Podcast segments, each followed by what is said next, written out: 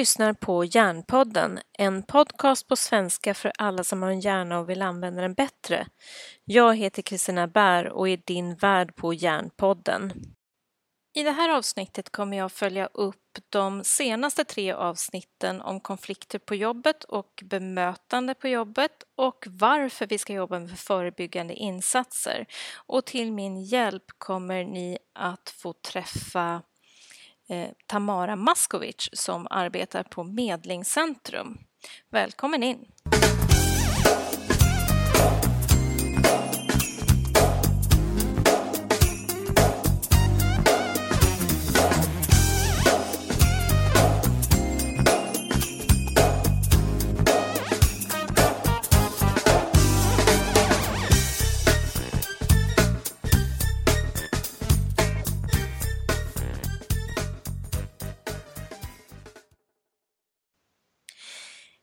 Och välkommen till Hjärnpodden.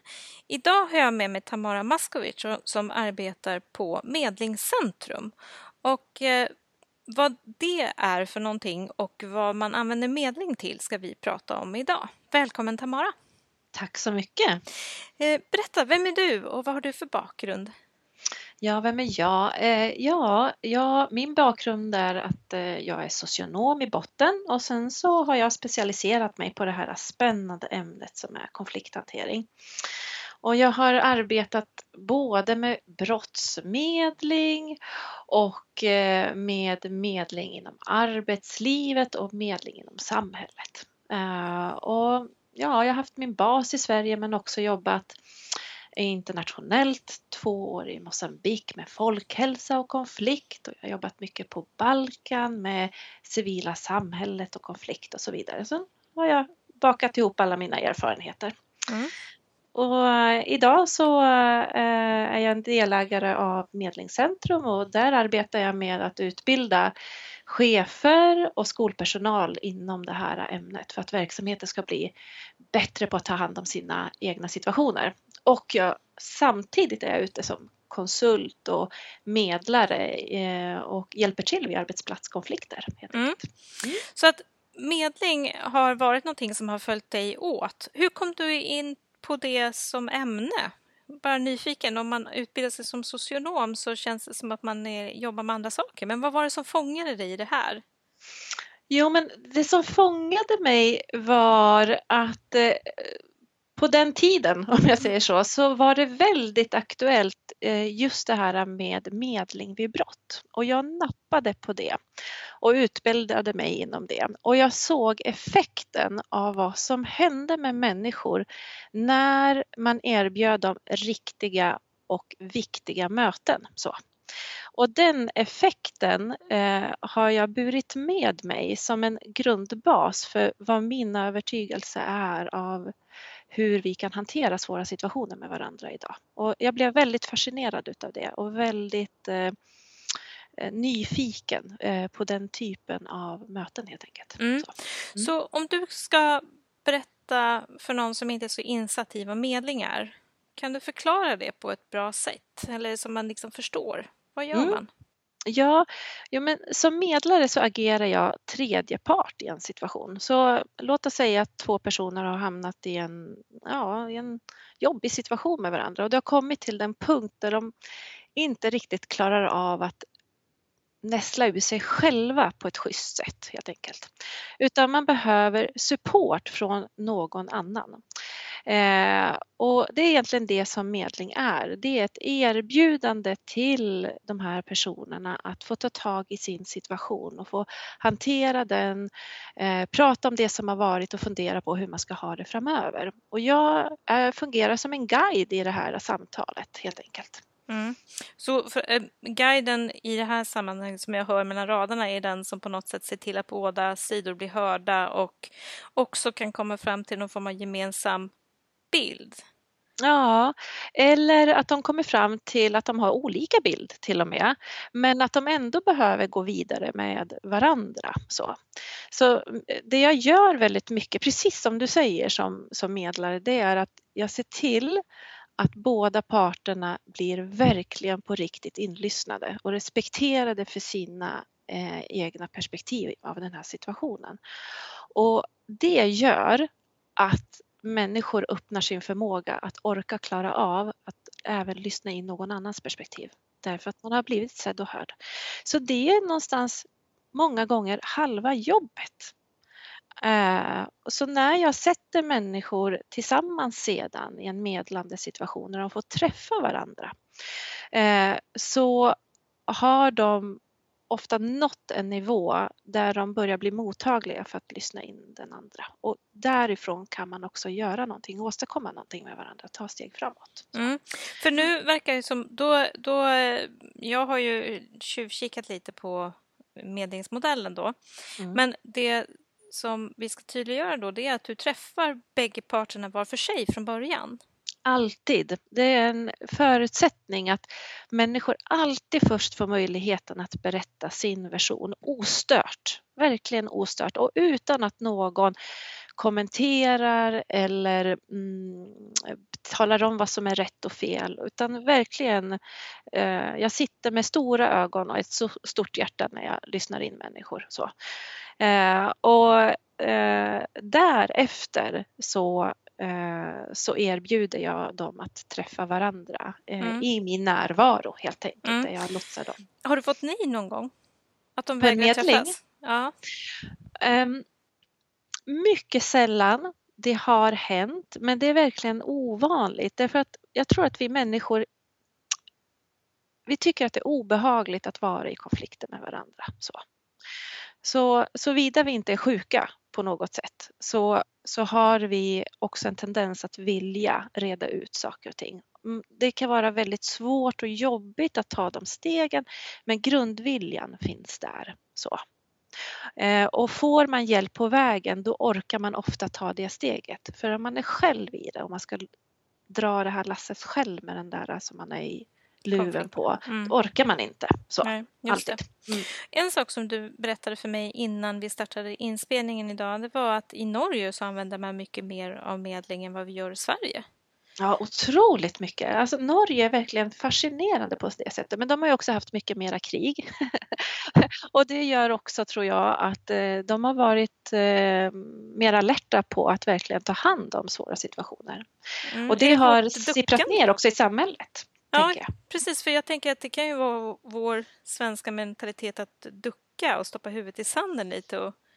Ja, jag tror det, det kan faktiskt ha med den saken att göra. Och eh, liksom i Norge då finns det medlingsråd lokalt överallt där man kan ta tag i situationer som uppstår runt omkring en, till exempel med grannar eller vad det nu kan vara. I skolan finns det hur mycket medling som helst och så vidare och så vidare. Så att det, de använder det som ett sätt, en, ett förhållningssätt att hantera kluriga situationer på. Mm. Mm.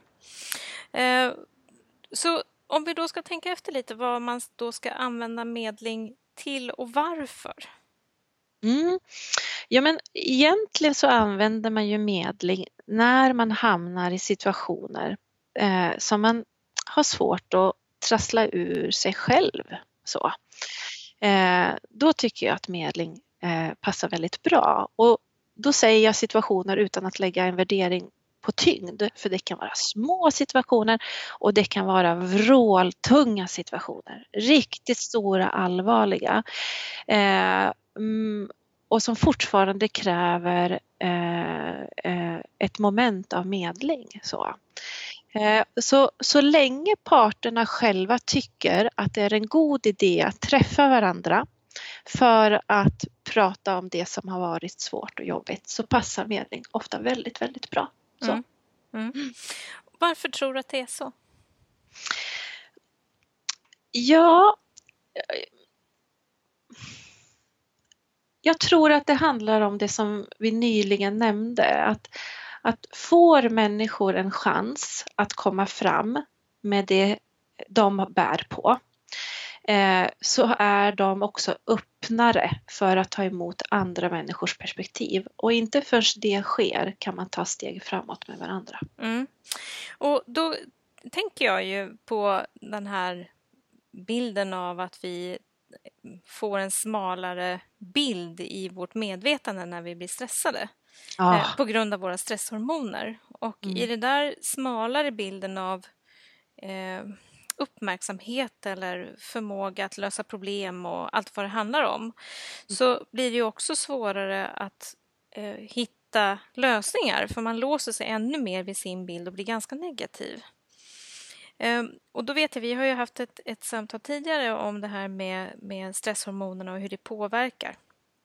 Mm. Eh, hur vi beter oss i stressade situationer. Och är man i konflikt så är det verkligen en stress.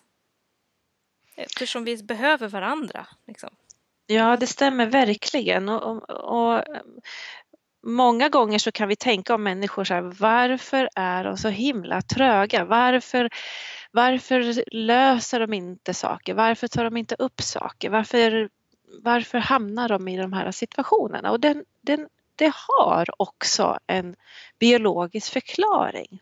Och den är viktig att ta hänsyn till och känna till. Och den är spännande att känna till också tycker jag.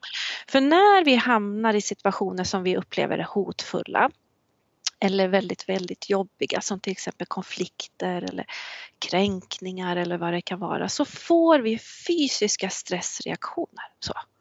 Alltså, och då aktiveras kortisol genom våra kroppar. Så. Och kortisolet Eh, det kan sitta i upp till en hel dag.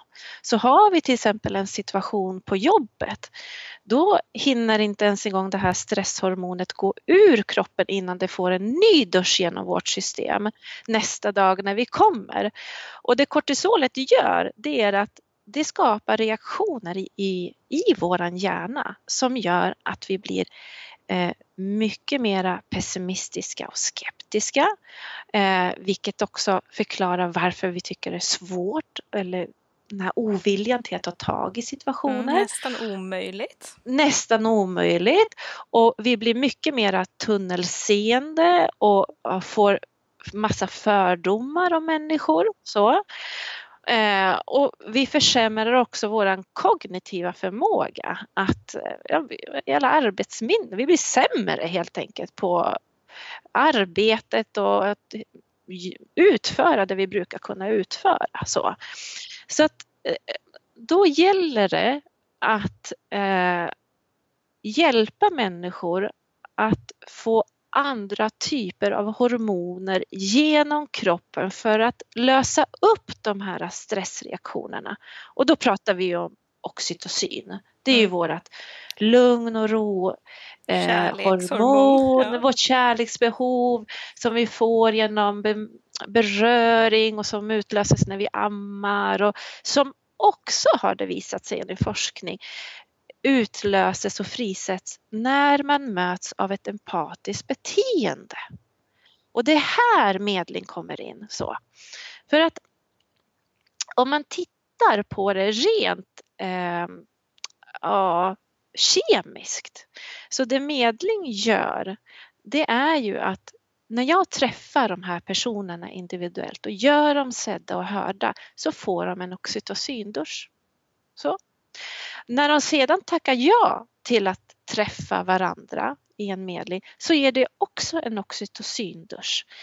Men eh, det, det börjar skapas ett frö av hopp om att man kan gå vidare med varandra. Och när man sen som medlare hjälper parterna i medlingen att verkligen kunna lyssna in varandra och förstå varandras Eh, perspektiv så ger det en oxytocindusch därför att man frisätter deras empatiska beteende gentemot varandra. Mm, just det. Så det är många delar i det här som liksom förstärker eh, relationen och relationer är ju viktiga för oss människor. Vi är inte en människa eh, själv utan vi behöver gruppen eh, för att fungera. Så att man kan säga att medling är en, en handfast process för att ställa om till lyssnande med hjälp av de här hormonerna på något sätt. Därför att det är det vi utnyttjar det här systemet som redan finns förberett i alla människor. Exakt. Så medlingen använder det som redan finns inom oss. Mm. Eh, och precis som du säger, de utlöser de goda faktorerna i oss mm. för att kunna ta steg vidare med varandra. Mm. Mm. Och jag tänker, jag jobbar ju med handledning och där är det ju också ofta så att bara själva lyssnandet i sig kan göra att man öppnar upp eh, sin förståelse för situationen och för kontexten och hur allt samverkar och fungerar och att man ser större perspektiv och helheter än vad man någonsin skulle kunna göra om man satt på sin egen kammare och klurade med en liten bok eller skrev eller sådär. Mm, Och, absolut. och det tänker jag också det som du gör i ditt lyssnande när du lyssnar av varje part. Det här att verkligen, okej, okay, berätta din story. Vad är din eh, tanke om det här? Vad var det som hände i dig? Vad var det som gör det här? Och det som jag då lägger till när jag handleder är ju att titta på perspektiven vilka andra faktorer kan ha påverkat den här situationen? Ja, exakt. Och jag tänker just den faktorn är väldigt viktig för inom arbetslivet när jag jobbar i olika uppdrag mellan individer eller hela grupper. Alltså jag måste säga, det är väldigt sällan jag bara träffar rena idioter som ställer till det för sig, utan ofta tycker jag att jag ser organisatoriska och strukturella delar som glappar och som gör att människor får svårt att samarbeta med varandra. Och det är också viktigt att man får hjälp att ringa in så att de delarna kan täppas igen, de hålen kan täppas igen så att människor får det lättare att samarbeta med varandra. Mm, precis, och då tänker jag också på de strukturella delarna där som till exempel man har inga arbetsbeskrivningar, man vet inte var ja. ansvar börjar och slutar och så har man en egen bild av när mitt ansvar börjar och slutar och någon annan har en annan bild som går in på mitt område. Exakt. Det är klart att det kan bli konflikt. Ja, och det blir konflikt. Och det, så genom att eh, göra medlingar så får jag mycket information om hur verksamheten fungerar. Alltså utöver att hantera den här situationen mellan parterna så får jag mycket information som jag kan sedan leverera vidare till verksamheten och till cheferna och säga här behöver ni jobba och täppa till därför att det här orsakar problem det här orsakar energispill mellan människor. De börjar göra andra saker än att jobba på grund av de här otydligheterna. Så, eh, så att eh, det är en fantastisk informationskälla också att sitta i medlingar. Mm, precis, och jag tänker också en annan faktor i det här när man verkligen blir lyssnad på. Det är att man också blir modigare att uttrycka sina egna behov. Mm. Sin egen version och sitt eget behov. Mm. Och det tror inte jag att vi gör särskilt ofta om vi känner oss otrygga. Det tror inte jag heller utan eh, eh, då håller man igen de behoven och man håller igen sina perspektiv. Eh, och det är det här som är så viktigt att hela tiden frigöra. Så. Och också att man får ha rätten att ha sitt perspektiv och inte känna att vi ska komma fram till ett konsensus kring vad som har hänt. Så. Det, det är en liten sån sjuka som vi kan ha hemma här hemma att man ska nå till från någon form av konsensustänk många gånger, alltså inbildning om att man behöver göra det, utan att man kan vara fredad med sitt perspektiv även om den andras perspektiv är helt åt det andra hållet. Så. Och att konstatera det och ändå kunna gå vidare med varandra. Mm. Just det.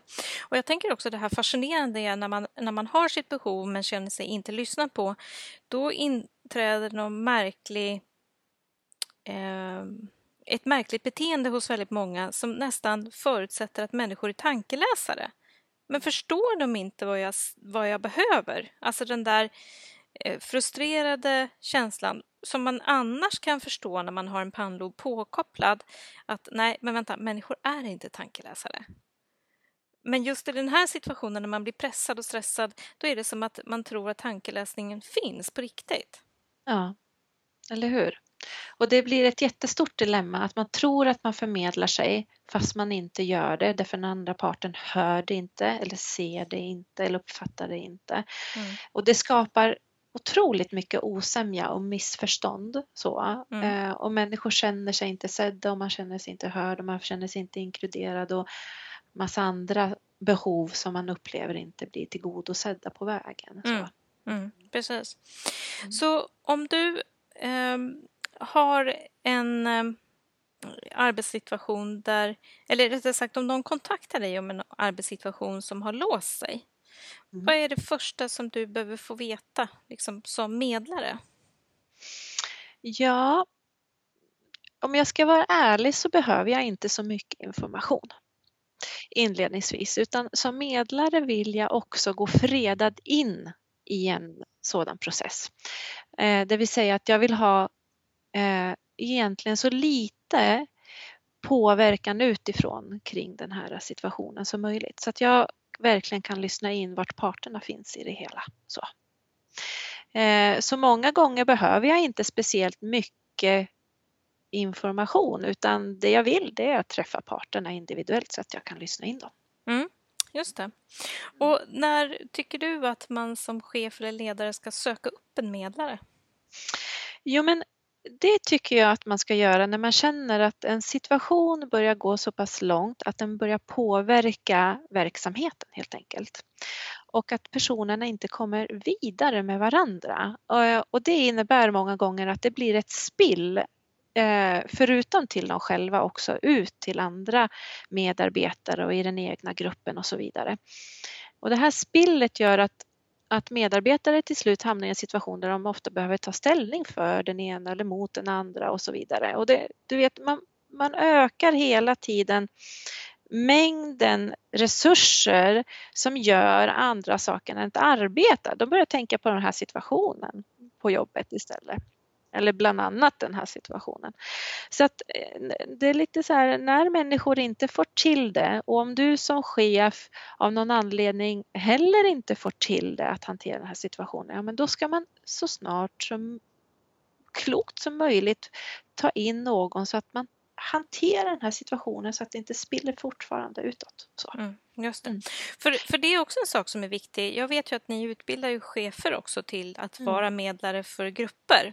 Så att det behöver ju inte alltid vara någon extern om man själv känner att man är, vill gå in och medla och kan göra det utan att vara partisk.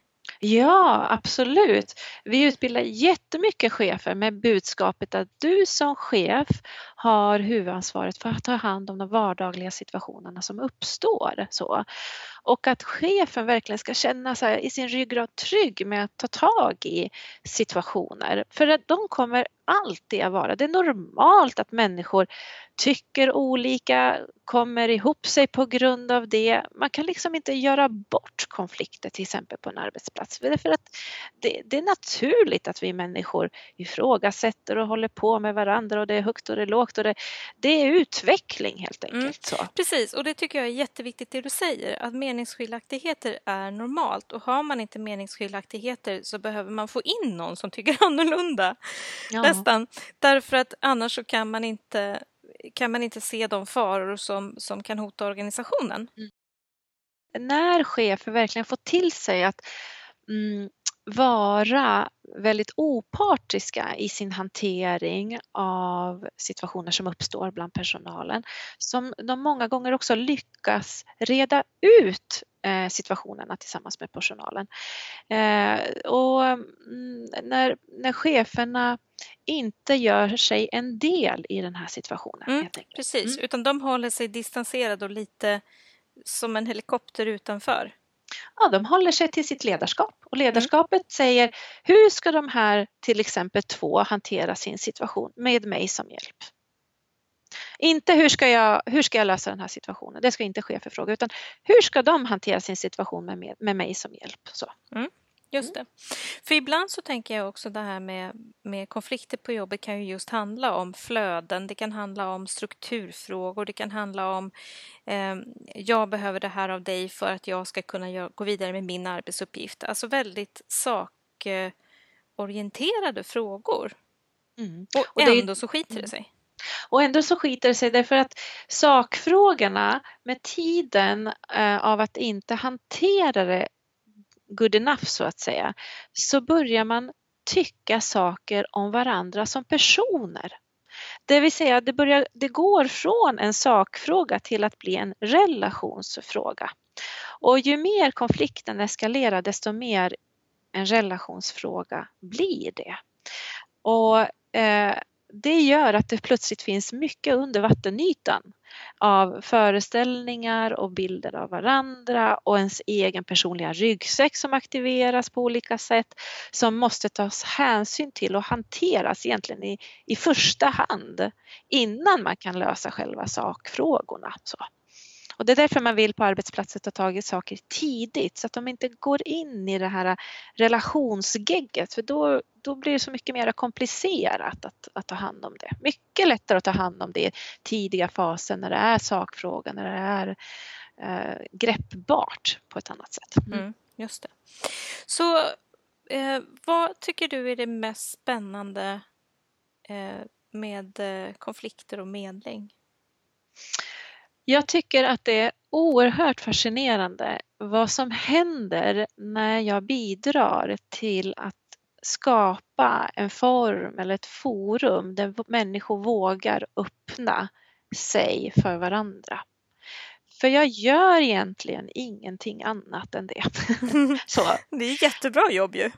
Det är ett fantastiskt jobb och jag blir så otroligt berörd av vad jag får vara med om, och vad jag får se när människor transformerar sig från eh, sina rädda, återhållna sidor till att verkligen eh, öppna förmågan till att lyssna in varandra, bygga empati och att ta steg tillsammans i, i ett läge där de aldrig trodde att det skulle vara möjligt. Och det är fantastiskt att få vara med om. Det är, eh, ja, jag, jag är eh, Lyckligt ja, lottad låter det som. Lyckligt lottad på mitt ja. i min arbetsuppgift så att säga. Ja. Att bidra till det här. Ja.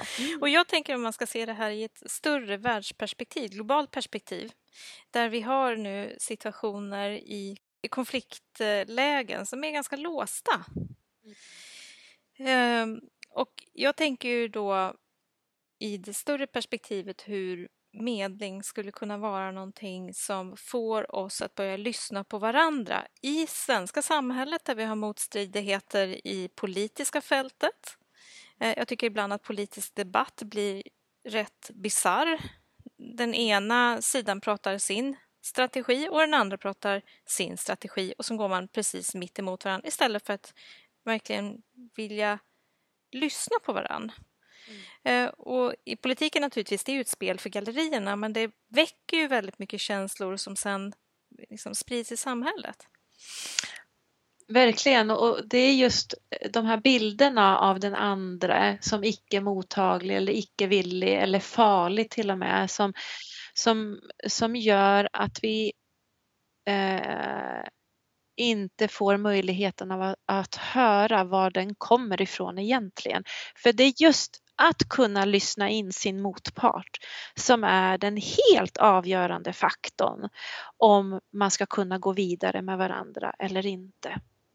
Eh, att verkligen höra vilka behov som finns eh, och hur man ska möta varandra utifrån olika behov som finns. Det finns liksom ingen annan väg att gå. Resten är resten är skit håller jag på att säga. Ja. men jag tänker att det, att det är inte ett lyssna. Jag tänker att om man ska få någon med sig, verkligen mm. få med sig en person på det beslut som man ska ha så måste man ju på något sätt åtminstone hittat en enighet kring beslutet. Men det går ju inte om man redan har bestämt sig för att den andra personen är knäpp eller inte lyssnar eller är dum eller vad det nu handlar om. Och det tänker jag i det politiska landskapet som Sverige och världen lever i just nu med de stridigheter som pågår och så, så behöver vi på något sätt försöka koda av motparten för att vi ska kunna få till en dialog som faktiskt kan göra den här världen lite bättre. Mm, jag håller med dig och därför är det också roligt att, att regeringen eh, satsar nu extra mycket på kvinnor och medling ute i världen därför att man ser att det behövs. Kvinnor behöver gå in i fredsprocesser, de behöver gå in i konfliktprocesser eh, och eh, bidra ännu mera med det medlande perspektivet. Så. Ehm, så att det, det är ju två komponenter. Dels att kvinnor överhuvudtaget kommer in i de processerna som jag tror är väldigt betydelsefulla så för att skapa en helhet men också att det handlar om det här inlyssnande perspektivet och ett behovsperspektiv. Så. Mm, just det. Och jag mm. tänker att vi kommer ju se att konflikterna kvarstår om vi inte börjar lyssna på varandra och det är klart att det, i vissa sammanhang så är ju det i sig en strategi att inte lyssna yeah. därför att det är liksom hela poängen för att få konflikten att fortsätta. Men där måste vi alla andra som inte vill ha konflikten mm. försöka mm. eh, lyssna efter lösningsnycklarna. Mm, absolut. Mm. Och det tänker jag också när jag jobbade på Balkan att, eh, att rent krasst så, så såg vi i det civila samhället att många vuxna var väldigt svåra att nå, att arbeta framåt med, att bygga de här empatiska broarna mellan de olika eh, grupperingarna så att säga. Och, och att man behövde jobba med, mycket med ungdomar och deras perspektiv och väcka, eh, bygga, bygga deras kanske ännu inte helt förstörda syn och förmågor till att nå varandra helt enkelt. Mm. Mm. Så med andra ord, det vi sådär skulle kunna se som en möjlig del är att man lär sig att medla i enkla konflikter på skolan. Mm. Jag ser... Att det blir vardags, vardagshandling. Ja, ja, att tidigt lära sig att hantera sina kluriga och svåra situationer på ett konstruktivt sätt som innebär att man lär sig, eh, lär sig reflektera över ens eget beteende och lär sig lyssna på någon annan och lär sig vara kommunikation på en, på en djupare nivå där man tar steg framåt med mm. varandra. Mm. Alltså den livskunskapen har man den med sig från barnsben, det, det, ja, jag vet inte vilka under det kan göra då mm. eh, förrän i vuxen ålder. Mm. Och jag tänker också det här med att inte döma den andra som har gjort något som man själv tycker är fel utan mm. liksom hejda sig en liten aning eh, och eh, försöka lyssna. Det är inte lätt men det är Nej. nyttigt. Det är inte lätt och eh, även om man inte kan hejda sig att man ändå har en känsla av att okej, okay, nu sitter vi i den här surdegen ihop och hur går vi vidare trots allt? Så. Mm, just det. Mm. Eh, Tamara, det har varit en fantastisk intervju att få prata med dig under eh, den här stunden och eh, jättespännande med medling och jag blir jättesugen på att lära mig ännu mer om medling så vi får väl se vart det här slutar. Mm. Eh, tusen tack Tamara. Är det någonting som du vill skicka med eh, våra lyssnare? Till exempel om man vill ha kontakt med dig, hur gör man då? Ja, då kan man gå in på www.medlingscentrum.se och så hittar man mer om oss där och även kontaktuppgifter. Mm, perfekt, jättebra. Eh, tusen tack för att du tog dig tid att vara med i Järnpodden och jag hoppas att vi hörs igen i något annat trevligt sammanhang. Absolut, ha det så gott. Mm, tack. Hej, hej. Du har lyssnat på Järnpodden avsnitt 51 med Tamara Maskovic som gäst. Järnpodden drivs av mig i samarbete med Järnfonden. Och Järnfonden är en ideell insamlingsstiftelse utan statligt stöd som har till uppgift att samla in och fördela pengar till forskning samt informera om hela hjärnan och alla dess sjukdomar, skador och funktionsnedsättningar. Hjärnfonden är helt beroende av gåvor och testamenten från privatpersoner och av företagssamarbeten. Så om du tycker om Hjärnpodden och du tycker hjärnan är viktig, ge en gåva på hjärnfonden.se och stöd hjärnforskningen. Glöm inte att skriva ”Hjärnpodden” i din gåva så vi vet var pengarna kommer ifrån. Vill du ha kontakt med mig går det bra att att eh, mejla till kontakt jarnpodden.se. Det går också bra att kommentera avsnittet på Acast eller på exist.se. Hej så länge och på återhörande i Järnpodden.